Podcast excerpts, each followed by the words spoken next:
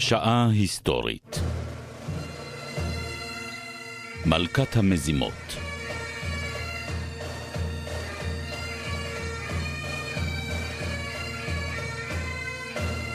הפרופסור מיכאל הרסגור וליעד מודריק משוחחים על מרי סטיוארט.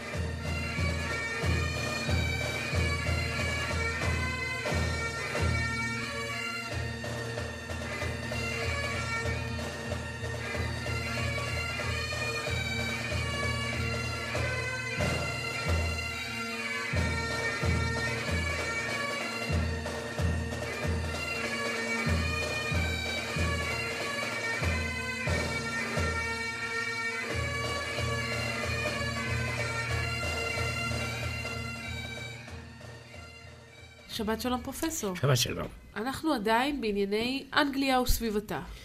זה עניין מאוד מעניין, ועדיין אנגליה קיימת, כפי שאת יודעת.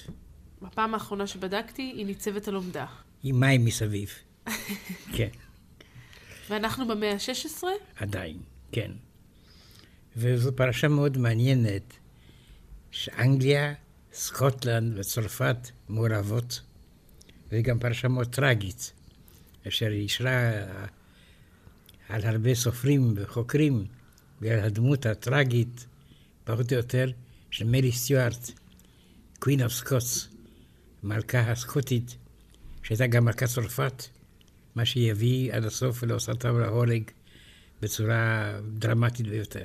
למעשה, סיפורה של מרי סטיוארט כבר הופיע אצלנו בתוכניות האחרונות, כשניסינו למפות את תמונת המצב שבתוכה פעל שייקספיר, אבל היום אתה אומר נתמקד בה ובסיפורה. ואנחנו עוברים לסקוטלנד, צפונה, הררית, קר שם, ערפל, וגם הסיפור הזה כולו עטוב בערפל. איך בכלל, עוד לפני שנגיע למרי סטיוארט ולמאה ה-16, איך בכלל מתחילים היחסים בין סקוטלנד ובין האנגלים? כפי שאת יודעת, השכנים הם תמיד באיבה. והבעיה היא שלא רק שכנים באיבה, אבל יש גם שכנים אחרים. ואז קורה דבר מאוד מעניין, שכן מן הצפון רוצה להתקשר עם השכן מן הדרום כדי לחבל בשכן באמצע. אני מנסה לשוות לנגד עיניי את המפה ולהבין למי אתה מתכוון. אז סקוטלנד וצרפת נגד אנגליה. נגד אנגליה. בדיוק. אבל מה המקור של הסקוטים בכלל? מאיפה הם מגיעים? מה מקור האנגלים? אני גם, זאת השאלה הבאה שלי. זה לא הנושא שלנו. אבל רק כדי שנבין על, במי אנחנו זה, עוסקים. זה עם עם מוצא גרמני, אם אפשר להגיד בכלל, והוא עד היום קיים, ויש לו שפה מיוחדת אם אתם מדברים אנגלית. אבל איך נוצר הבידול הזה בין סקוטלנד לבין אנגליה? הרים. הרים, כלומר, סקוטלנד היא הררית, אנגליה לא. על כן התפתחו שתי תרבויות קצת שונות, אם כי קרובות, והשפה. והיו לסקוטים מלכים משלהם לאורך כל... לגמרי? לגמרי, לא רק זה, אלא השושלת הייתה משותפת, כפי שאנחנו מיד נראה. אז בואו נחזור למאה ה-16. כן. מאה סוערת מאוד, מפני מעט הרפורמציה. והרפורמציה, עם כל הסערות שלה והסיכוסים שלה, עכשיו מורכבת על המצב הסוער ביותר ביחסים בין סקוטלנד ואנגליה, ועושה את התמונה עוד יותר מסובכת. נזכיר רק, הרפורמציה, התנועה החדשה שמתקוממת נגד הכנסייה הקתולית, בעקבות השחיתות והסיאוב העמוק של הכנסייה הזו והקישור שעושים שם הכמרים בין הדת לבין הכסף. כן, אבל יש שם צד אחד שלא כל כך מוקדש. העובדה היא שהכנסייה הקתולית הייתה מאוד עשירה. כן. גם במדינה ענייה כמו סקוטלנד. ועל ידי ביטול הכנסייה הקתולית, כל הרכוש שלה יכול לעבור לבורגנות המקומית. ככה שמבחינה הזאת יש כאן בעיה כספית. הם רוצים להתעשר על חשבון הכנסייה, ועל כן זאת הצלחה. נוסף לזה, אל תשכחי, לפרוטסטנטים, הקלוויניסטים האמינו שהצלחה בחיים מראה שאהבת אלוהים. על כן, מה יותר נוח? אנחנו נסלק את הקתולים, ניקח את רכושם, ואלוהים יאהוב אותנו. כלומר, מה שאתה בעצם אומר זה שבסקוטלנד הרפורמציה, התנועה שהולידה את הפרוטסטנטים, הצליחה מכיוון שהיה שם שילוב של אינטרסים של האצולה או הבורגנות שימי לב שבמפה שהמדינות המסחריות הפכו לפרוטסטנטיות, המדינות הלא מפותחות נשארו קתוליות, וצרפת שהייתה באמצע, הייתה זירה של מלחמת אזרחים. מעניין. אז אפשר ממש למפות את אירופה לפי הקתוליות והפרוטסטנטיות, אבל בעזרת מפתח אחר, וזה מידת הקדמה, או ההתמסחרות נגיד. גם שייכות הרכוש. ספרד למשל הייתה מדינה של בעלי אחוזות, הסוחרים היו מעטים ולא מוצלחים. אנגליה הייתה מדינה של סוחרים. הולנד, סוחרים. על כן שם הפרוטסטנטיזם התבסס והצליח. כי בעצם הפרוטסטנטים מדברים בדיוק על החיבור הזה בין הקפיטליזם, למעשה זו ראשיתו של הקפיטליזם, כי יש כאן קידוש של ערך העבודה, של השגת הכסף, כי כפי שאמרת קודם, מי שמצליח להתעשר הוא למעשה נאהב על ידי האלוהים. אז מטרת האדם הרוצה להוכיח את קרבתו אל האל, היא להרוויח הרבה כסף. בוודאי, כוח הנוח. אני גם מתעשר וגם אלוהים אוהב אותי.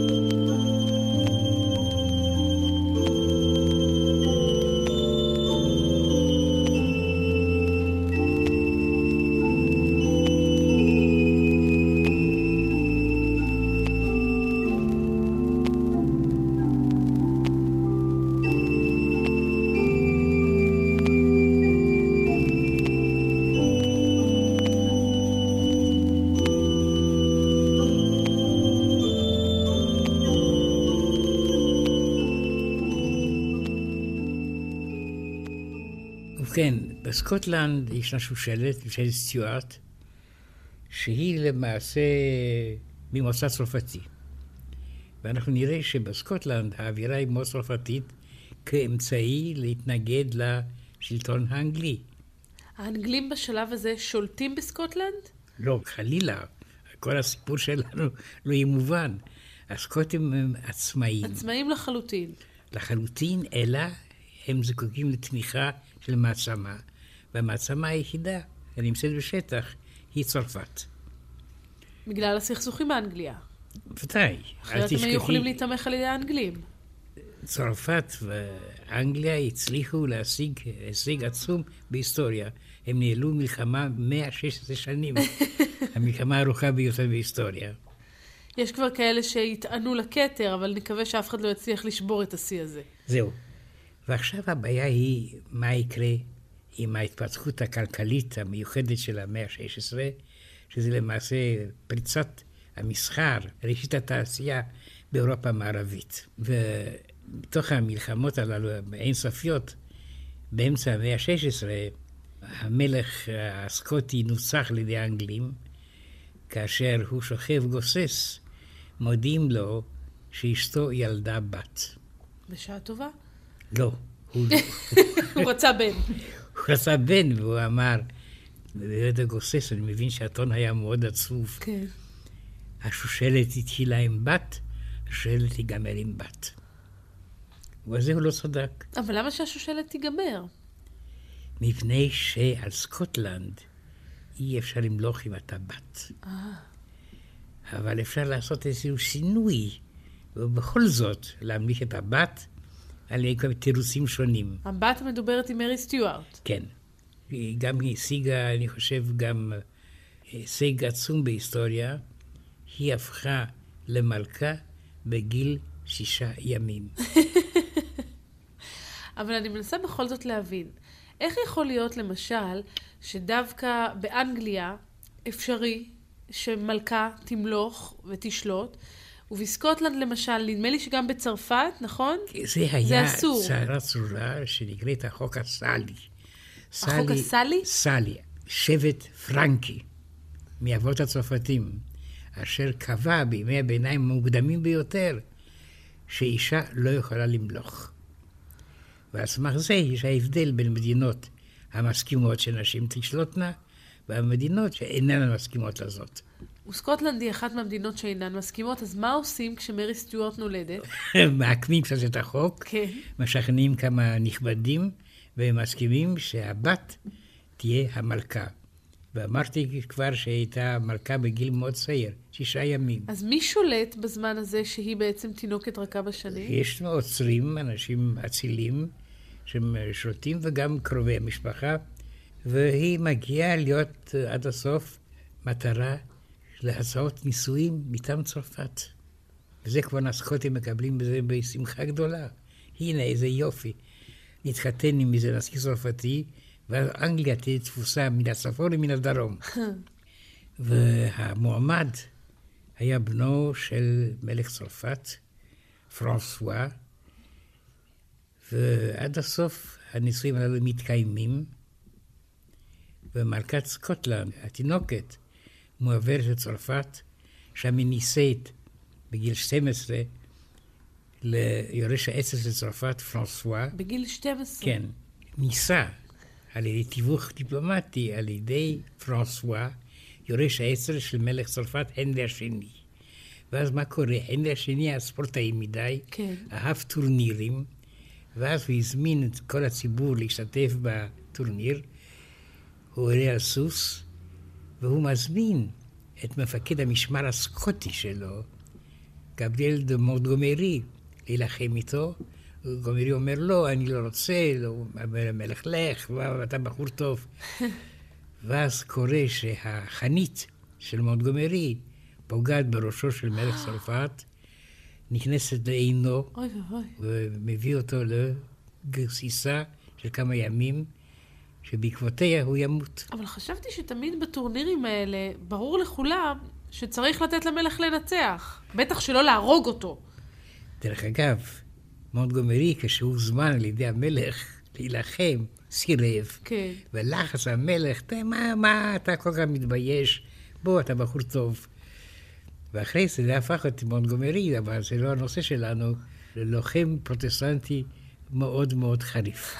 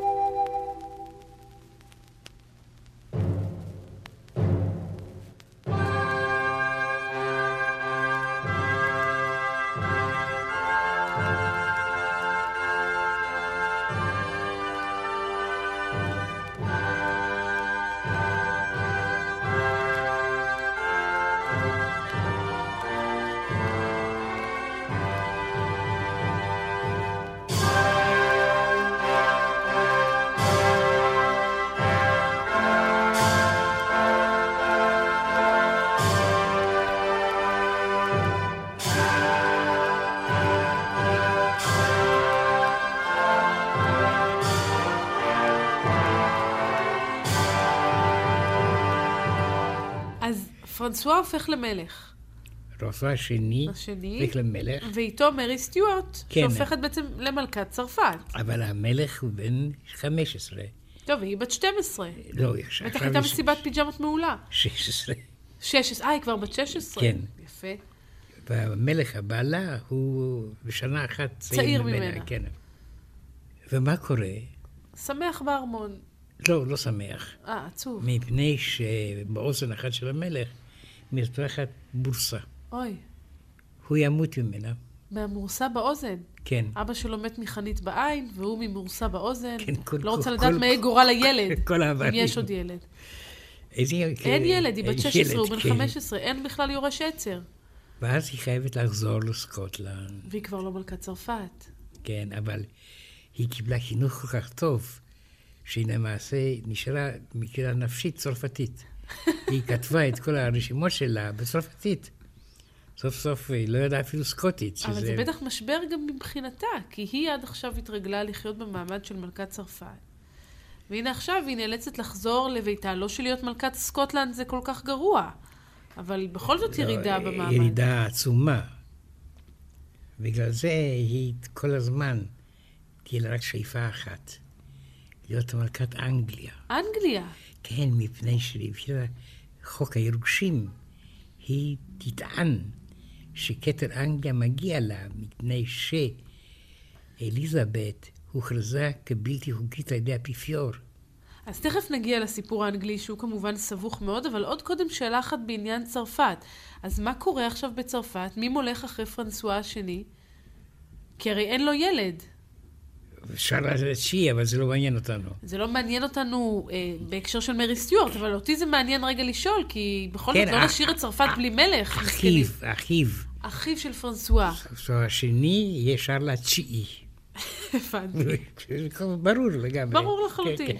אז שרל התשיעי הולך בצרפת, והוא לא מת משום לא- דבר. אני רק אציין שאחרי שרל התשיעי יהיה הנרי השלישי.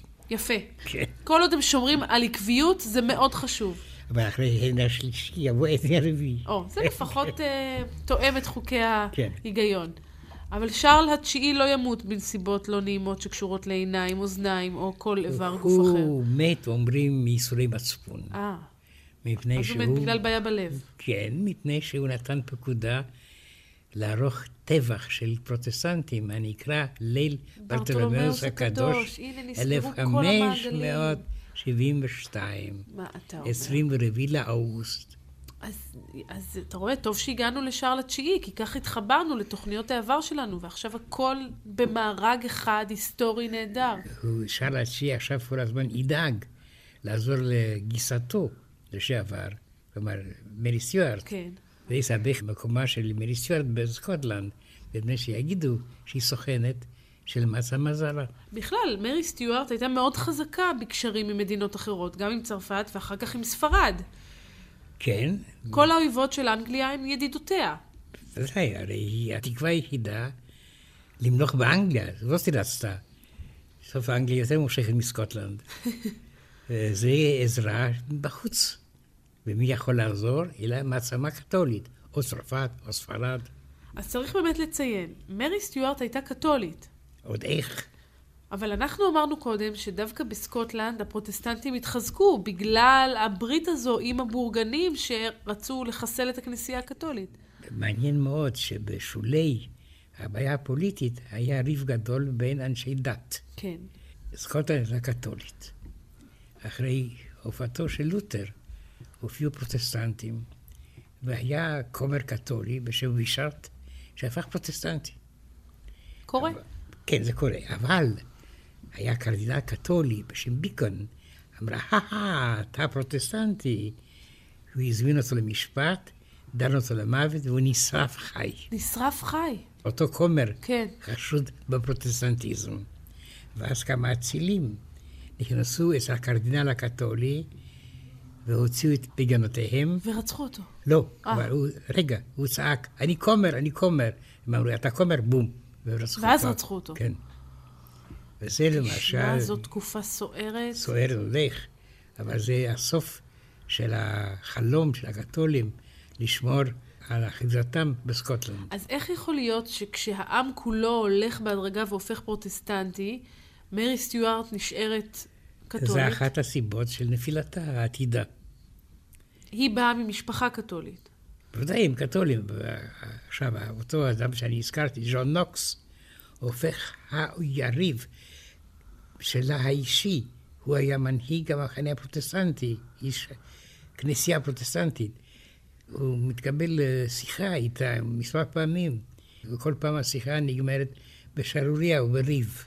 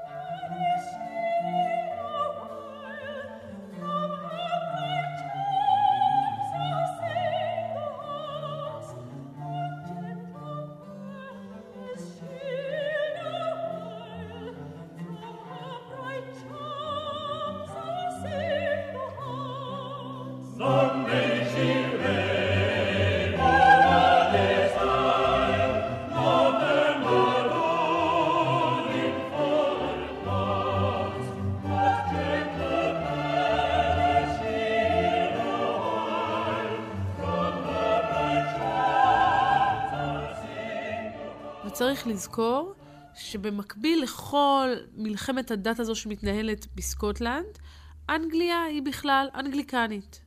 בגלל הנרי השמיני והגירושים וכל הסיפור הזה. והנרי השמיני, יש לו סוכנים של שירות הדיגול שלו, הפועלים כדי להפיל את מרי סטיוארט. כי הנרי השמיני רצה שגם סקוטלנד, כמו אנגליה, תתנתק מהקתוליות. כן. ומרי סטיוארט עמדה בדרכו. ותצורף לכתר האנגלי כמובן. אבל הנרי השמיני מת. כן, זה קורה. זה גם קורה. כן. ואת מקומו, בסופו של דבר, אחרי כמה וכמה מהמורות, תתפוס אליזבת. אשר בעיניה של מרי סטיוארט היא בלתי חוקית, כי נולדה מאן בולין, שהיא הוכרזה כבלתי כשרה למלוך. מכיוון שהייתה פרוטסטנטית. כן. נזכיר רק שאשתו הראשונה של הנרי השמיני, קטרינה, הייתה מלכה ספרדיה, קתולית לחלוטין. לגמרי. אבל התגרש ממנה. וייסד את הכנסייה האנגליקנית, כדי ואז... כדי לשאת את אנבולין. את אנבולין, ואז נולדה אליזבת. כן. אז אליזבת היא למעשה פרי אהבתם האסורה, לכאורה, של הנרי השמיני ואן בולין, שבעצם פירקה את כל המנגנון הקתולי באנגליה. כן, אבל מצד שני, מרי סטיוארט משוכנעת שאליזבת איננה מלכה חוקית, ולה מרי סטיוארט מגיע גם כתר אנגליה. אבל רגע, מרי סטיוארט קרובת משפחה? של מי? של הנרי, אליזבת וכל החבר'ה האלה. כן, היא בדודה, כן. נכון? כן, כן. ולכן היא טוענת שהיא זו, כי נניח שאליזבת אינה חוקית. כן. יש עוד כמה ילדים בתור לפני מרי סטיוארט, לא? לא, לא. מרי סטיוארט היא יורשת. הבנתי. והיות ואליזבת הכריזה שהיא רוצה להיות וירג'ין קווין, המלכה בתולה, היא לא תלד, אם כי במנצרת היה מקרה שבתולה ילדה. כן, אבל זה לא קרה לאליזבת. לא. אז מרי סטיוארט, אם תצליח לסלק מדרכה את אליזבת... היא תהיה מלכת אנגליה. היא תהפוך להיות מלכת אנגליה. זה החלום, גם שלה וגם של הצרפתים, כי זה ינטרל את אנגליה כאויבת המסורתית שלהם. וגם כמובן חלום מבחינת הממסד הקתולי. כי לו מרי סטיוארט תופסת את השלטון באנגליה, היא מחסלת את כל הרעיון האנגליקני ומחזירה את אנגליה לזרועותיה החמימות של הכנסייה הקתולית. האפיפיור בירך על זה. אבל ברכתו לא הספיקה כנראה, כי זה לא קרה. מה היא מנסה לעשות כדי לכבוש את השלטון? קשרים, קשר. והקשרים, דרך אגב, ילוו את חייה עד הסוף. גם כאשר היא תיפול ותאבד את הכתר הסקוטי, היא תמשיך לרקום קשרים כדי לסלק את אליזבת מן השלטון. אז איך היא מתחילה? מה המזימה הראשונה שהיא רוקמת? אל תזכרי שגם דרום יושבת אישה אחרת שגם כן רוקמת, אליזבת. שזה, המתח הוא גדול מאוד, ולכל אחד יש סוכנים בצד השני. שמנסים לנטרל את השליט, השכן, על ידי האצילים המורדים נגדו. אליזבת גם תצליח בסופו של דבר להכניס את מרי סטיוארט למעצר. זה הצליחה מפני שמרי סטיוארט עשתה כמה שגיאות.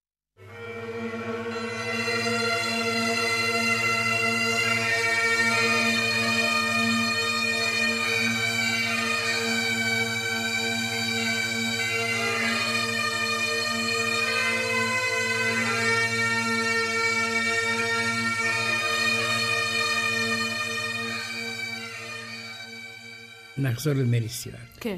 היא uh, באה בתור אלמנה. כי פרנסואה השני מת מהמורסה באוזן, כן. עליו השלום. היא מאוד צעירה. כעבור ארבע שנים, בהיותם כבר בסקוטלנד, כן.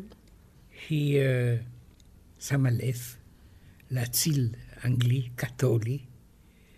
זה התחיל להיות נדיר. כן. שהיה גבוה, מקסים. נאה. נאה. והיא מסכימה להצעותיו להינשא. אבל התנאי שלה הוא שהוא לא יהיה מלך. הוא יהיה בעל המלכה, אבל לא מלך. תנאי לגיטימי. ועיני השם, אבל לא בעיניו. שהוא רצה דווקא להיות מלך. ואחרי הנישואים, התברר שהוא לא היה כל כך מקסים כפי שהיא חשבה. קודם כל, הוא לא עסק בענייני הממלכה. הוא רצה להיות מלך, אבל לא, לא לעבוד להיות מלך. הוא רצה את זה בשביל התענוגות. התענוגות, דרך אגב, כל הזמן מסיבות, בתי מרזח וציד. והוא נטש את אשתו. אז היא הייתה עסוקה בניהול ענייני המדינה, סקוטלנד, כן. וגם במזימות שהיא רוקמת ובקשרים שהיא מתכננת כדי להפיל את אליזבת, והוא צד לו, והלך לשתות, והתהולל במסיבות. וכנראה גם חלה מסיפיליס. זה מעניין מאוד שאמריקה נרגעת לו מזמן, אבל המחלה הזאת שהובאה מן העולם החדש הגיעה עד לסקוטלנד. והעובדה שהוא חלה בסיפיליס, שהיא מחלת מין, צריך לומר, הגבת, כן. מעידה על כך שהוא גם לא בדיוק היה נאמן למרי לא, סטיוארט. לא כל כך. כי היא לא הייתה חולת הגבת. לא, חלילה. ואנחנו יודעים גם שמחלת האגבת, בימים ההם, שלא ידעו איך לטפל בה, הובילה גם למצב של שיגעון. היא פוגעת במערכת העצבים, כפי שקרה נגיד לניטשה. אה, כן, במקום אחר, בזמן אחר. גם לאנשים אחרים רבים. בדיוק. כן, כן. אז הוא השתגע? הוא לא השתגע. הוא נרצח. הוא נרצח, עוד בטרם הספיק להשתגע. בדיוק. ואיך הוא נרצח? היחסים שלו עם מרי, אשתו, הלכו והידרדרו, ואז הוא נמאס לו לחיות בארמון אחד איתה. הוא קנה לעצמו בית גדול באדינבורו, בירת סקוטלנד, וגר באותו בית. שזה אגב, שזה אגב מעניין, כי אנחנו מכירים היום שזוגות שיש ביניהם איזושהי מחלוקת קשה, והם רבים ושוקלים להיפרד, עוברים לישון בחדרים נפרדים. כאן זה ארמון. כאן זה ארמונות נפרדים. כן. הוא אומר, לא נעים לי לחיות באותו ארמון, במקום לעבור לחדר ליד, הוא אומר, אקנה לי ארמון משלי. אבל הוא לא שם לב שאנשים, אותי מסכיחות, מכניסים בארמון עכשיו חדש חומר נפץ. חומר נפץ? חומר נפץ. ואני מנחשת שמרי סטיוארט היא זו ששלחה את עוטי המסכות. אולי מישהו אחר שמעוניין לשאת את מרי סטיוארט. אה. והחומר נפץ הזה מתפוצץ. ומוצאים אז את בעלה של מרי סטיוארט, תלוי, חצי לבוש בשדה, ועם ההוכחות שהוא נחנק. כלומר, לא רק שהם פוצצו את הארמון, הם גם חנקו אותו ותלו אותו בשדה. כלומר, היה קשר. ומי היה... כן, מה... בדרך כלל כשחומר נפץ מתפוצץ גם בלי התלייה, בדרך כלל עומד מאחורי זה אין קשר, כן. כן, הבעל היה גבוה ושחרחר, אבל בחצרה של מדי סטיוארט הסתובב גם מציל סקוטי. שהיה נמוך ובלונדיני? ג'יג'י. ג'יג'י. כן. ושמו היה בוסוול. והיא מצא חן בעיניו. הוא חשב שלא רע לסלק את הבעל הקיים מן הדרך. כן, אבל הייתה בעיה. בוסל היה נשוי. אה, גם הוא היה נשוי. כן, מצב טבעי. אבל מה קרה? קרה שאשתו של בוסוול... גם נרצחה. התאהבה. התאהבה? במשרת. וואו. וזה נתן לבוסוול אפשרות לבקש גט. זה היסטוריה או רומן למשרתות, הסיפור הזה? עוד איך. וכן, הוא מתגרש מאשתו. רגע, והוא... רגע, אז היא בוגדת בו בבוסוול עם המשרת. כן. הוא מבקש גט, עכשיו הוא משוחרר. כן, הוא מבקש גט. הוא עומד אולי מאחורי החיסול של בעלה של מרי סטיוארט. לא אולי. בטוח. בטוח. הוא מחסל את בעלה של מרי סטיוארט, כן. היא הופכת להיות לאלמנה בפעם השנייה. כן. והדרך סלולה בפניו לבוא ולכבוש את ליבה. הוא לא כובש את ליבה, הוא כובש את גופה. כלומר, כוח צבאי חוטף אותה. אה, ממש כובש את גופה. חשבתי כן. שאתה מדבר פה על משהו יותר רומנטי. כן. פחות רומנטי, יותר צבאי. כן. והוא מסביר לה שהוא חייב להציל אותה מקשר הנרקם נגדה באדינבורו. אם תיסע לאדינבורו, היא תירצח. שהוא בעצם עומד מאחורי הקשר. אין קשר, זה המצאה שלו. איזה בחור ערמומי ביותר, כן. הג'ינג'י הזה. והוא, חודשיים אחרי מותו של הקודם, נושא אותה לאישה. הוא נושא לאישה, וזאת שערוריה. והוא גם... כי הסקוטים לא, לא סובלים את זה, זה היה בכל זאת זמן כל כך קצר. כן, שתתאבל קצת, כך, הגברת. כל כך מעורפלות.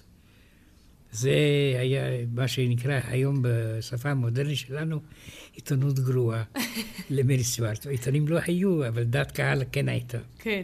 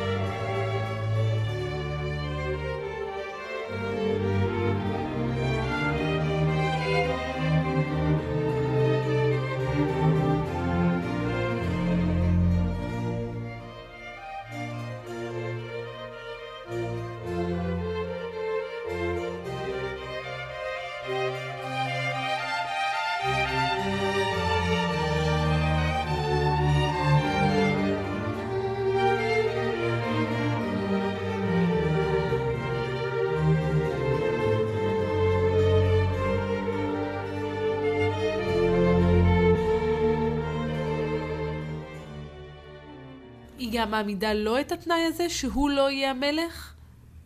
זה העמידה לראשון, לבעל השני. לדרלי, לבעל הראשון. אה, השני, כי כבר התחתנה קודם עם פרנסואה. כן. אבל עכשיו היא מעמידה את זה שוב גם לבוסוול, או שהוא כבר זוכה למלוך ממש? הוא היה אדמירל, כלומר, ידע אפילו את אירופה, הפליג באוניות. כן. האמת היא שהיא התאהבה בו. אבל uh, העתיד לא כל כך פשוט. מפני שהאצילים הסקוטים מחליטים שכל זה שערורייה שאי אפשר לסבול. כן. בנוסף לזה, אל תשכחי שהיו סוכנים אנגלים של אליזבת, שפעלו מאוד כדי להעמיק את איבתם של האצילים הסקוטים למלכתם היותר מדי קלת רוח. אבל אליזבת מנסה לפגוע במרי סטיוארט מכיוון שהיא יודעת שמרי סטיוארט חורשת את רעתה, בדיוק. או שהיא בעצמה יש לה שאיפות לגבי שלטון בסקוטלנד גם, לא, לא, לאליזבת. לא. לא. בסקוטלנד אף אחד לא משך. הבנתי. למה? מקום נורא יפה. הרים, גשם, סלעים, חציות לגברים. אז היא פשוט רוצה, כן, אתה צודק, בחצויות לגברים באמת זה ממוטט את כל הטיעון. אז היא רוצה פשוט להחליש את מרי סטיוארט כדי שהיא לא תאיים על שלטונה שלה. בוודאי. והיא מצליחה, הודות למרי סטיוארט, שעושה דברים כאלה שהם שערורייה ציבורית. כן. ואז פורסת התחוממות של אצילים סקוטים נגד נגד מרי סטיוארט. היא בורחת לאנגליה, מבקשת הצלתה של בת דודתה האהובה, אליזבת. אז היא מגיעה למצב שהיא נאלצת לבקש את חסדיה של האויבת הכי גדולה שלה. כן, היה ברור מה יקרה. אליזבת אומרת, בוודאי, בוודאי, אבל אה, קודם כל יש אה, איכשהו להעמיד אותה לדין כדי לברר מה היה תפקידה במותו הטרגי של דנלי. כלומר, יש חשש שהיא כן הייתה מעורבת בחיסולו של בעלה השני. כן. ואחרי זה, באדינבורו, יגלו מה שנקרא מכתבי התיבה, כן. שמכתבים שהתגלו בארמון באדינבורו, אדינבורו, כן, שם שהיה הפיצוץ והחיסול. שמוכיחים שמרי סטיוארט הייתה מעורבת ברצח בעלה השני. אז מי זייף את המכתבים האלה? זה בוסוול שהיה כל כך ערמומי שגם רצה להפיל אותם מבעוד מועד? לא, המכתבים הללו הם מקור אליזבתני. הבנתי. כן. זה היא מצאה... תשמע, אליזבת, עד עכשיו חיבבתי אותה מאוד, אבל היא הייתה נחשה רצינית. היא עזרה לשייקספיר. היא עזרה לשייקספיר, זה אנחנו זוכרים, והיא גם הייתה אישה חזקה שהתעקשה לשלוט בעצמה, וגם את זה אנחנו זוקפים היא לזכותה. הייתה ג'ינג'ית. הבנתי. זאת אומרת, כל הג'ינג'ים אי אפשר לסמוך עליהם לפי מה שאתה. מתאר. הם אה, אנשי פעולה, נשי פעולה. הבנתי, לא, כי אני מחבב, יש כמה ג'ינג'ים שאני מאוד מחבבת, ועכשיו אתה מלחיץ אותי. לא, לא, אני גם כן, החברים הטובים ביותר הם ג'ינג'ים. יפה מאוד. אז עכשיו אנחנו יצאנו בסדר עם כל האוכלוסיות באשר הם. אז אליזבת שותלת מכתבים מזויפים כן, בארמון באדינבורג כדי להפליל את מרי סטיוארט. ומצליחה. לא פלא שמרי סטיוארט שנאה אותה. אחרי זה, המכתבים הללו מובאים ללונדון, ואליזבת אומרת, הנה, הנה, הנה הוכחה. הנה האקדח המעשן, או המכתב כן. המעשן במקרה כן, הזה. שהיא למעשה, היא כתבה אותה עוד כבר, נתנה פקודה שהיא כתבו. מקסימה. כן, ואז מרי סטיוארט נידונה למעצר? למאסר. היא מוחזקת בארמון, לפי טענה של אליזבת, להגנתה עצמה. כלומר, אליזבת עכשיו בעצם מציגה את עצמה כמי שפועלת לכאורה לטובת מרי סטיוארט. ודאי, לשמור עליה. אבל היא ממנה אדם שעמד בראש שירות המודיעין שלה, וההורות שהוא קיבל שהמאסר של מרי סטיוארט לא יהיה כל כך חמור, כדי שהיא תוכל לקשור קשר, וזה יפיל אותה. אז אליזבת רצתה שמרי סטיוארט תנסה להפיל אותה כדי שהיא תוכל להוכיח שיש קשר, כדי שהיא תפיל אותה סופית. תפיל אותה לעולם אחר. אה, תפיל אותה. אני מבינה. ואז באה סדרה... בטח עכשיו, אם היה ליל הסדר, אז היה ליל סדר מדהים בין שני הבנות אל דודות האלה. תשכחי שמרי סטיוארט תישאר בכלא המפואר הזה, כי היו עוזרות. בוודאי, אה, ארמון, בכל ארמון, זאת. כן? עשרים שנה. עשרים שנה. עשרים שנה.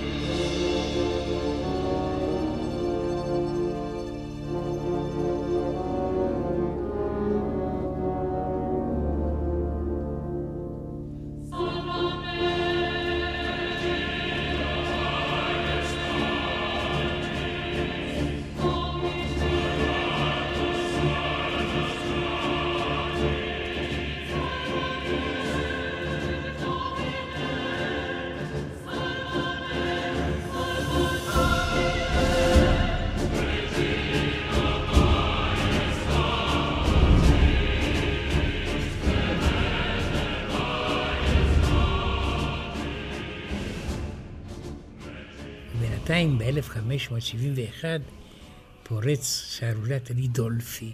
רידולפי? רידולפי היה בנקאי פלורנטיני עם קשרים בינלאומיים, שהיה גם סוכנו של פיליפ השני, מלך ספרד. נזכיר, ספרד היא המדינה הקתולית עוד איך. שהולכת עכשיו עוד מעט לתקוף את אנגליה בשם האפיפיור. בשמה שלה. בשמה שלה ועם ברכתו של האפיפיור? והולכת להיות מלחמה איתנה מאוד בין ספרד לבין אנגליה, שבסופו של דבר אנגליה תנצח בה, וספרד יש לה אינטרס לחזק את מרי סטיוארט כדי להחליש את אנגליה ואת אליזבת.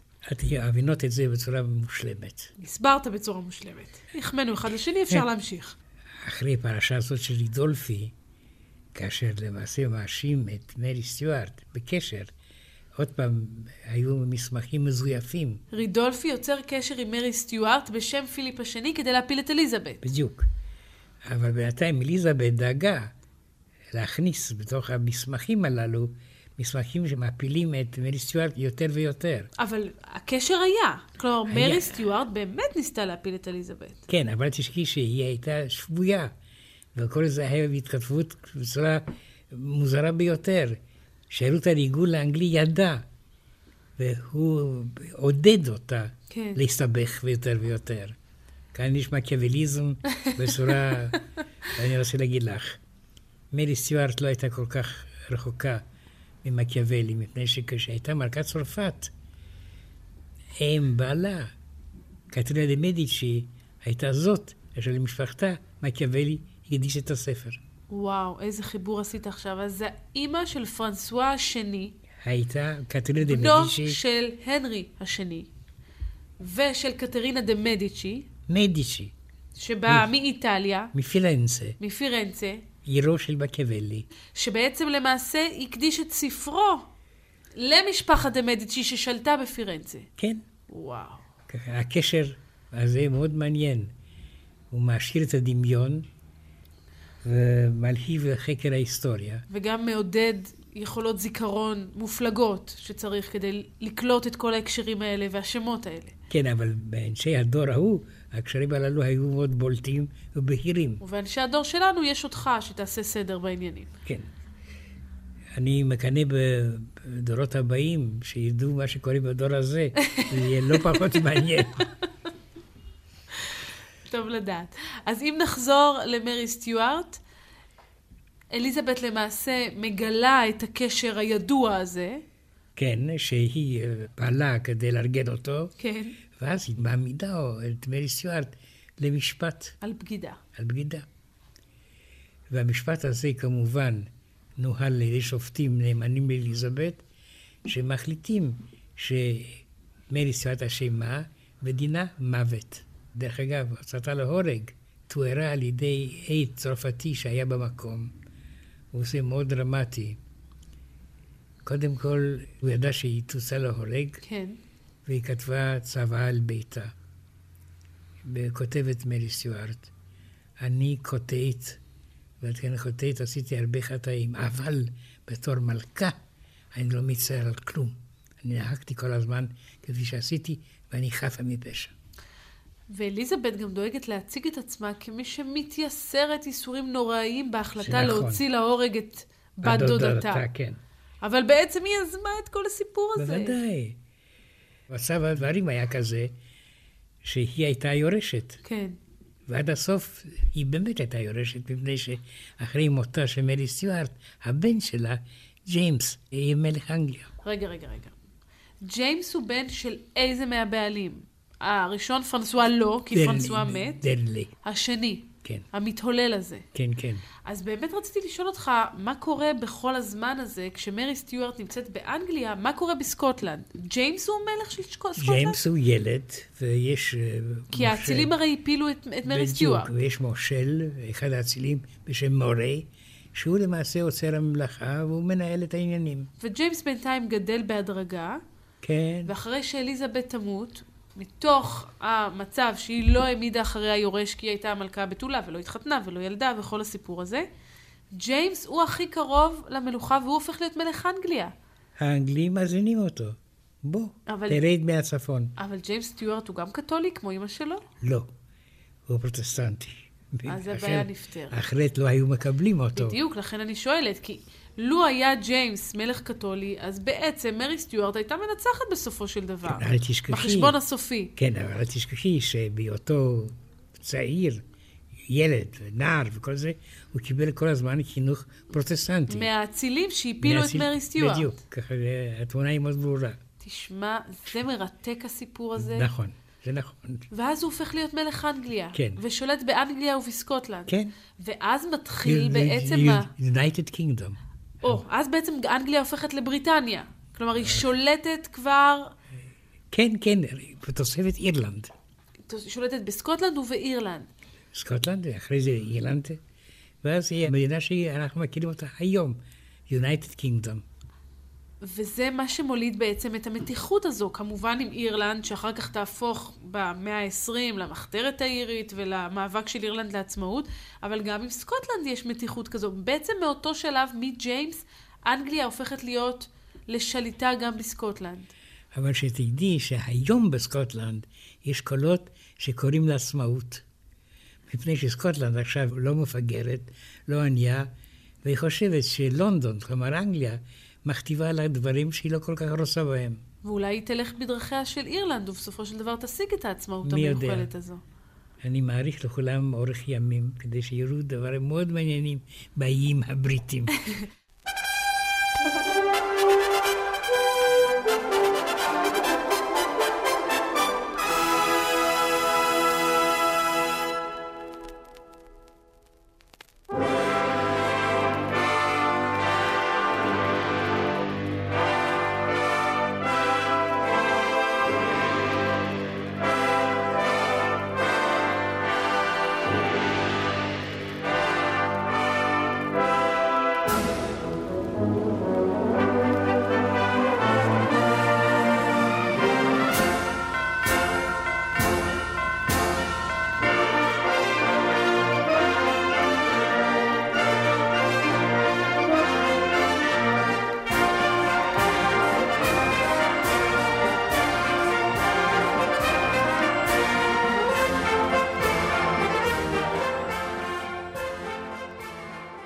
חוזרת רגע למרי סטיוארט, אמרת שבכל הזמן הזה, כשהיא נמצאת uh, בארמון המעצר של אליזבת, סקוטלנד למעשה נשלטת בידי אותם אצילים פרוטסטנטים שמחנכים גם את ג'יימס. כן. אבל לא היו תומכים למרי סטיוארט בסקוטלנד שניסו לעזור לה, שניסו... היו, היו, אבל היו חלשים ונכשלו. אליזבת ידעה את זאת. אפשר להגיד אפילו שאליזבת עודדה אותם כדי ליצור אמתלה. לדכא את מרי סטיוארט. ואגב, מה עולה בגורל המלך השלישי, כלומר בן הזוג השלישי, הבעל השלישי? בוסוול? זה מאוד מעניין. אחרי שהאצילים מפילים את מרי סטיוארט, הוא בורח לדנמרק. לדנמרק? מפני שבתור אדמירל הוא ידע את דנמרק. מלך דנמרק נדהם מן המבקר החדש, לא יודע מה לעשות, לאסור אותו, אולי הוא יהיה מלך אנגליה, אבל...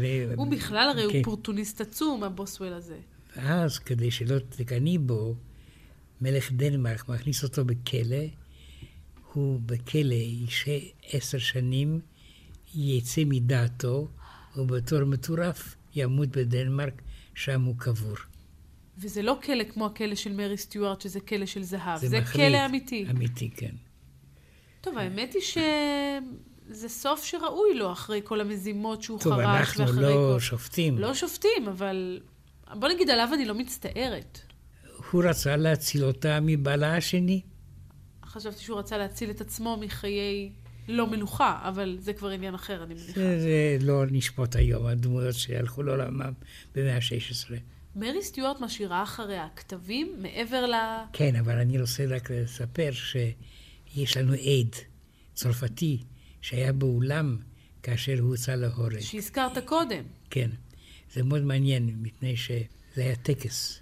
היא נכנסה, הוא אומר, כאילו הוא בא לא למקום הוצאתה להורג, למסיבת ריקודים. כלומר, עד הרגע האחרון היא שמרה על פאסון, היא התנהגה כמלכה. כן, כן. לא ביקשה רחמים. מה פתאום? ואז התליין אומר לה להוריד את הפאה הנוכרית שלה, היא מתנגדת, הוא מוריד לה בכוח, היא נלחמת בו, ואז כולם ראו, הייתה בת 40 פלוס, אבל שערותיה היו שערות שיבה. כך שהיא זקנה טוב, מכל הדאגות, אפשר להבין כן, למה כן. זה קרה. אז, אז אליזבת לא רק מוציאה אותה להורג, היא גם משפילה אותה בתהליך הזה. ודאי. אבל היא לא הייתה שם במקום, כמובן. ברור, אבל כן. אלה עושה דברה. ואז אומרת המלכה מרי סטיוארט, אני נוצריה, קתולית, ואני יודע שכל אדם חוטא, ואני הייתי בת אדם ואני חוטאת, אבל בתור מלכה לא עשיתי שום שגיאה.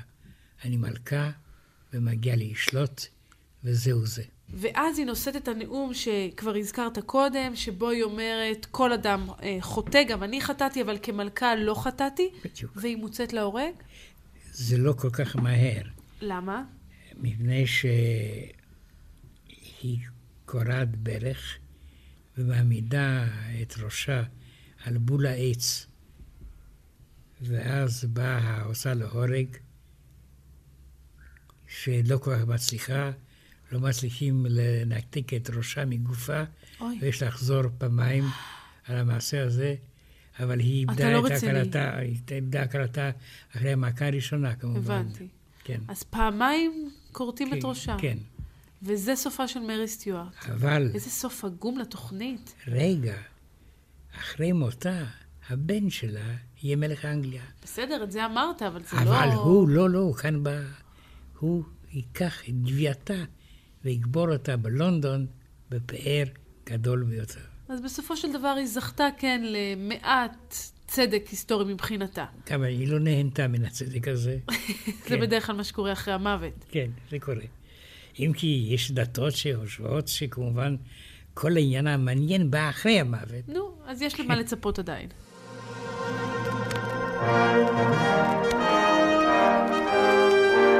שעה היסטורית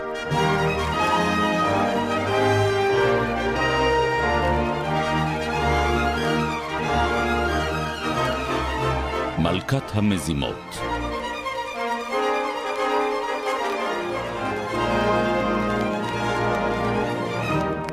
הפרופסור מיכאל הרסגור וליעד מודריק שוחחו על מרי סטיוארט. עורכת נטלי פדון, ייעוץ מוסיקלי עמליה רוזן.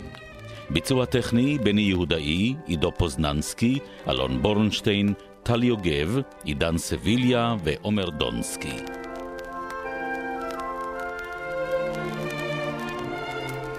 בתוכנית הושמעו קטעים מוסיקליים מאת הנרי פרסל, דיטריך בוקסטהודה וטילמן סוזטו. כמו כן הושמעו קטעים מתוך פסקול הסרט אליזבת ומוסיקה עממית מאנגליה ומסקוטלנד.